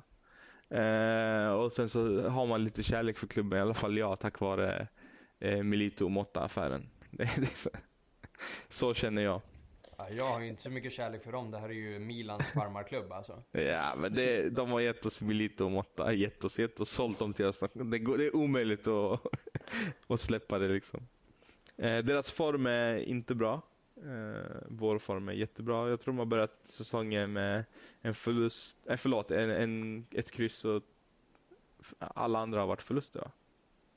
Det går ju inte jättebra i alla fall. Så mycket kan man ju säga. De har ta- tagit in en poäng. Så att, eh, det är väl ett lag vi ska slå, eller vad säger ni? Absolut. Hemma, eller tillbaka på Giuseppe Meazza också. Det ska... Det ska vara en säker trepoängare. Förhoppningsvis. Sen är ju inte allt... Det är ju sällan säkra tre poäng hos Inter, men... Du får eh, hoppa in med ett resultat, en resultatgissning också då. Där blir det 1-0. Och det, Oj. det är Perisic denna gången. Hampus? Eh, ja, men vi säger väl 2-1. En, eh, och där kan vi ju drämma till med en... Eh, ja, men en, säg en Kandreva, har jag en känsla av. En Kandreva Gagliardini affär där. Eh, och sen i och med att eh, deras nyförvärv från Genova där, Gianluca Lapadula, eh, deras nyförvärv till Genova från Milan, ursäkta mig. Gianluca Lampadula är ju är skadad så Pellegri lär väl lira igen och ja, om han då ryktas till Milan så lär väl han drämma in ett också. I övrigt säga- skulle man ju, I ja. övrigt skulle man ju kunna prata lite om deras transfermarknad och det är ju det är ju deprimerande grejer här. Det är inte jättemycket in egentligen. Det de har plockat in är eh, vad heter det? Stefano Mionga från Avellino gjorde en ganska bra säsong i Serie B. Thomas Rodriguez kom från Banfield. Argentinare kom Banfield, samma klubb som Zanetti kom från en gång i tiden. Mhm. Ryktas också vara bra. Sen har de eh, plockat in eh, Tarapt som den gamla Milan-bekantingen. Som han Mm. spelade väl i Genoa en gång också va? Det tror jag. Precis, och de har plockat in två spelare som de redan har haft en gång och det är ju då Tarap där och eh, Ricardo Centurion. Också argentinare lirat i bland annat Sao Paulo och eh, Boca Juniors. Gjorde en, eh, en säsong i Genoa, det gick inte så bra men vem vet, det kanske går bättre nu. Och mm, Federico Ricci, Roma-ägd produkt som spelade på lån i Sassuolo förra året. Så, så jävla läskigt är det ju faktiskt inte. Nej, och, och eh, ja, sen har de ju en, en trippelvinnare i, i, i laget, det får du inte glömma bort, i Goran Pandev. Så att, eh, det, det är inte omöjligt att eh, han kan...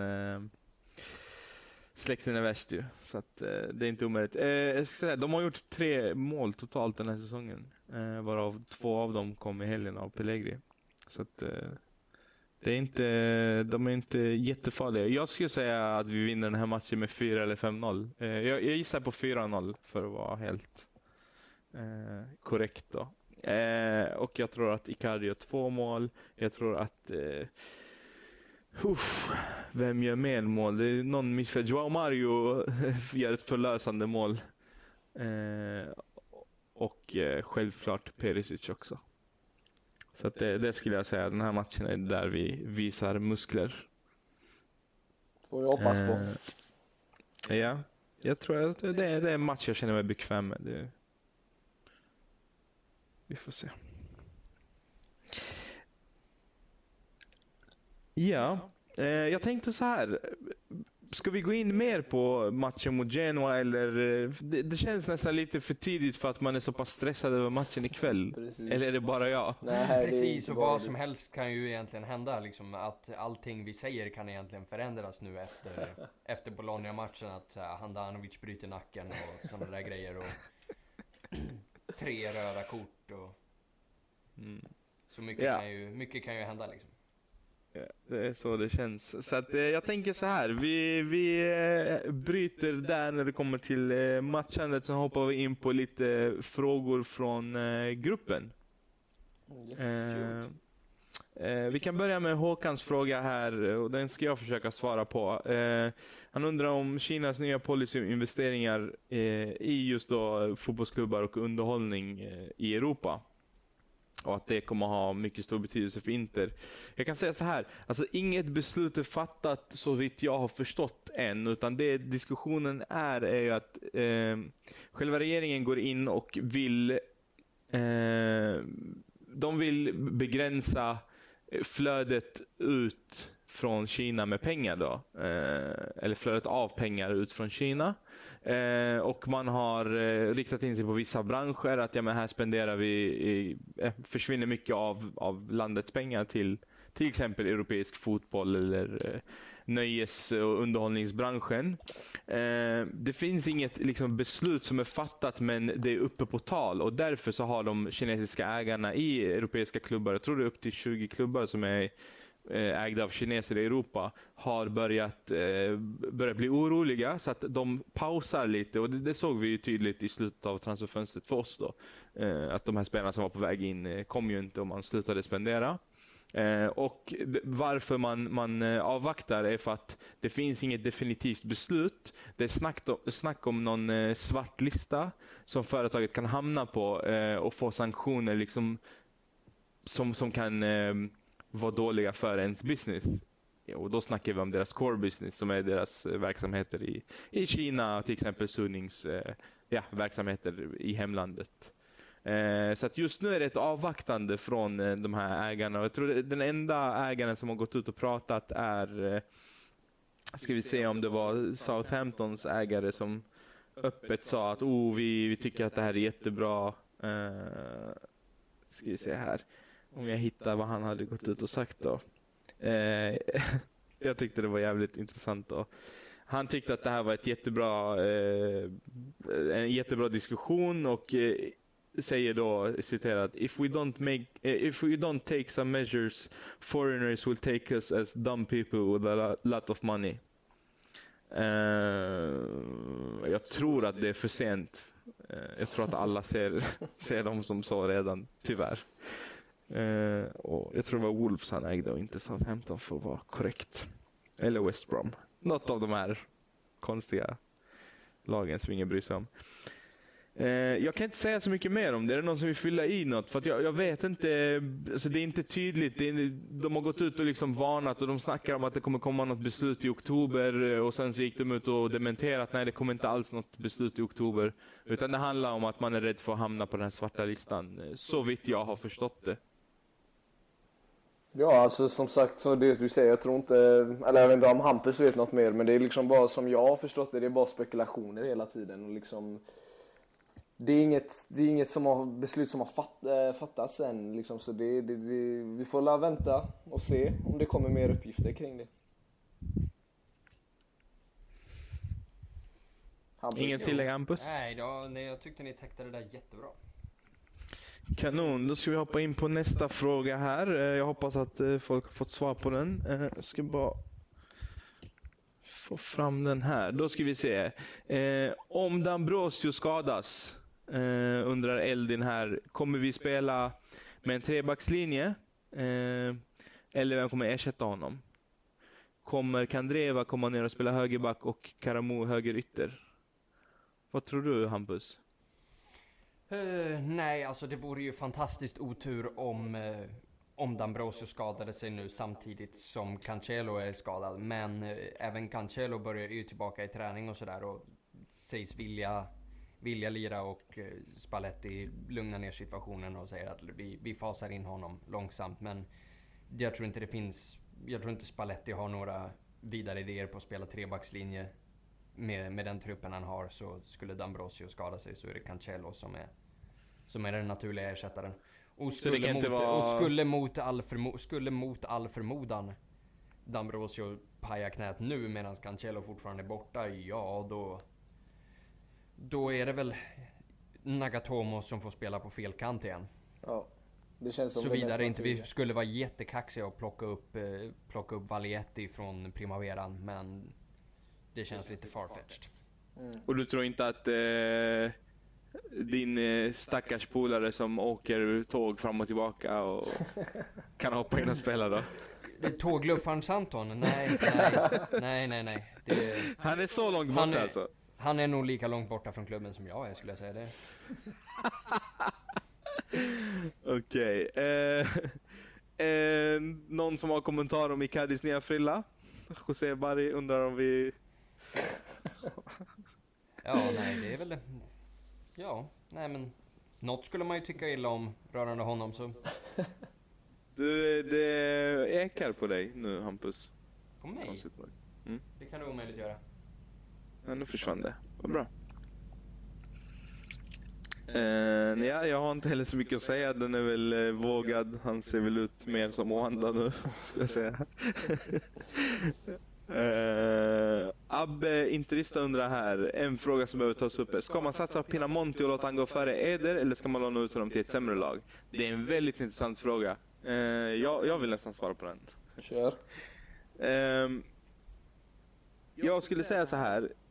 Alltså jag, jag vill verkligen se Pinamonti. Det är något, någonting i mig som säger att den här snubben kan, eh, kan verkligen eh, överraska. Det är någonting i hans blick. Han ser liksom annorlunda ut. Han ser ut som en, som en killer.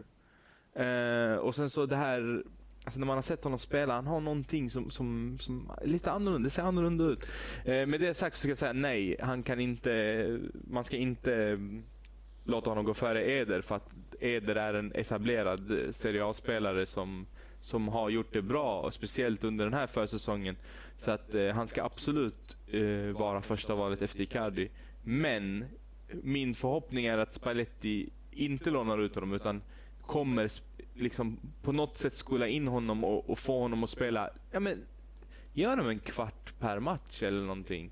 Eh, och, och liksom låt oss se vad han har att erbjuda och han valde faktiskt att stanna. Han kunde lämna till ett Serie A-lag men han valde att stanna. Eh, vi måste, vi måste ge honom eh, förtroende.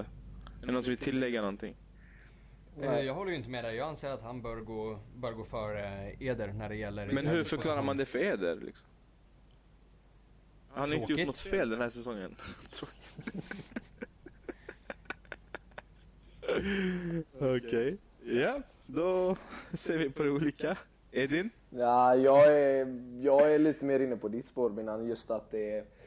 Av där vet man, liksom, det är som du säger, han är etablerad i Serie A. Liksom. Samtidigt så hade jag jättegärna velat se vad Pinamonti går för, men jag tänker mer liksom, det är som du säger, man kan ge han några minuter i slutet av matchen samtidigt som de här kuppmatcherna kommer ju komma. Där, där hade man ju kunnat testa honom lite längre perioder kanske. Men eh, jag vet inte, det, är liksom, det känns ju ändå som att killen behöver erfarenhet. Han måste ju få spela. Eh, men eh, ja, jag vet inte. Ja, det, det är en svår situation och det är, jag tror allting bygger på att vi spelar med en anfallare. Mm. Eh, vi, vi, har liksom, eh, och nu appen kommer, vi kommer komma in på nästa fråga här gällande Primavera, men där har vi också eh, icke-backen, anfallaren Ödgard. Som, eh, som är vårt nästa problem, eller på att säga. vårt nästa lyxproblem. Eh, och frågan, eller ja, Stanko tycker att vi ska ta upp då Primaverans lag i år samt deras seger över Lillebror senast i derbyt. Självklart så är det en fråga som Hampus kan svara på bäst eftersom att Hampus kollar på, jag tror han kollar på ner till kanske PTE Inter, eller? Kollar du på Inter Campus också? Uh, det, jag har ju lite så här, jag följer förlossningar lite då och då på potentiella framtida Nej, men som sagt, jag är inte någon Primavera-expert, det skulle jag absolut inte påstå. Men, eh, men jag kollar ett par Primavera-matcher när, eh, när livet tillåter. Och eh, jag tror definitivt att jag är hyfsat kvalificerad för att svara på den frågan. Och det finns ju ett antal, ett antal spelare i, i laget som är intressanta. Uh, och vi kan ju börja där då, då med, med Binans landsman där, uh, Jens Ödgard. som, uh, som, ifall någon har missat, hängde ett hattrick på Milan i Primavera-derbyt ett Primavera-derby där Gabriel Paletta spelade och jag tror till och med att det är ett, ett läge han faktiskt slår Paletta också.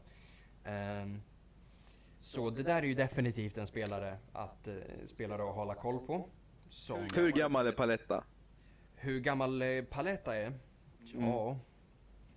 54? Nej men han är väl... Uh, han pushar väl 33 kanske, däromkring. Ja, han spelar i Primavera-derbyt. 31 år gammal. Ja, precis. Alltså fasa tillbaka efter, efter skada om jag inte har missförstått det helt rätt. Så, så mm. har ju vi också gjort. Milito spelade ju något, eh, ett gäng Primavera-matcher där efter sin långtidsskada och så mm. vidare. Mm. Uh, sen finns det ju ett, eh, ett, anna, ett par andra namn här som är rätt intressant och uh, vi har ju utöver Sinofan Hoodsten som nu, som nu räknas till, till A-laget uh, mer än vad han räknas till Primaveran, så har vi en till belgare som heter Gian Emmers. Och mm. det där ser ut som en jäkla cool kille och uh, han gjorde ett helt otroligt mål för ett par matcher så, uh, sedan. Så Gian Emmers. Och, och spelar? Uh, han spelar centralmittfält. Mm. Så X-I-A-N Emmers.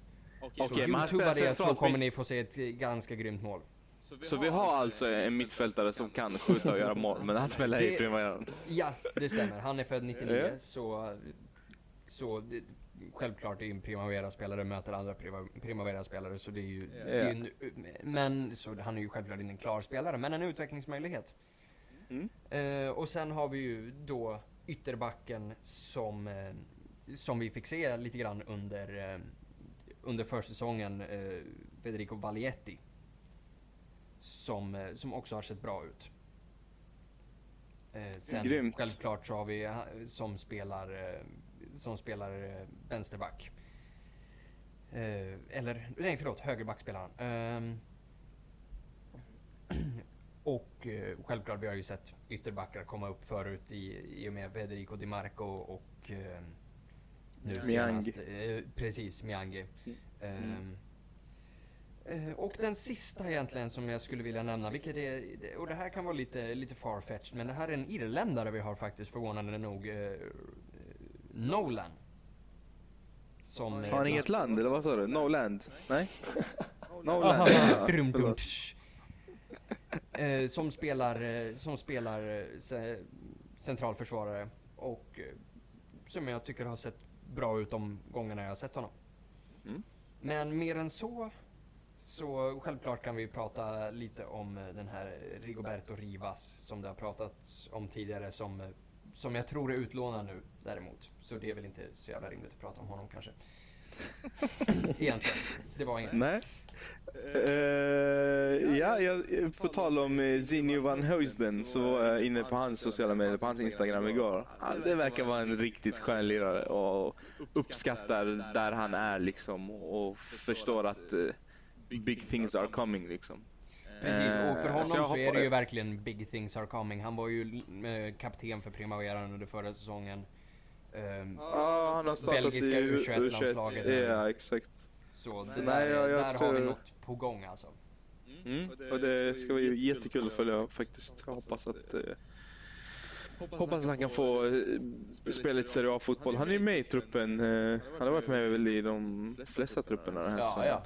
I A-laget. Så Det är skitkul att se. Eh, Bengt undrar om Spalletti pantade flaskan som kom flygande och om den var värd 5000 euro i böter som den kostade Crotone. Eh, där kan jag svara att det vet vi faktiskt inte. Eh, och det var inte en flaska som kastades, det var typ tre, fyra stycken.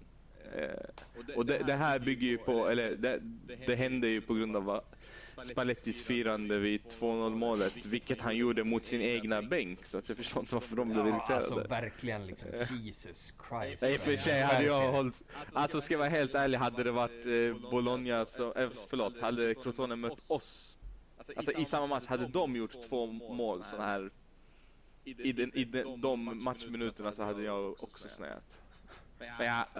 Kasta flaskor vet jag inte vad fortfarande. Nej, För men några och år sedan hade jag nog gjort det. Alltså snea, det kan du väl göra, men alltså herregud en tränare som firar, var det första gången de såg det i sina liv eller? Alltså, Nej, det var väl lite kontroversiellt firande kanske om det hade varit mot deras bänk. Men mot våran egna bänk vet jag Ja. inte hur det stör någon faktiskt.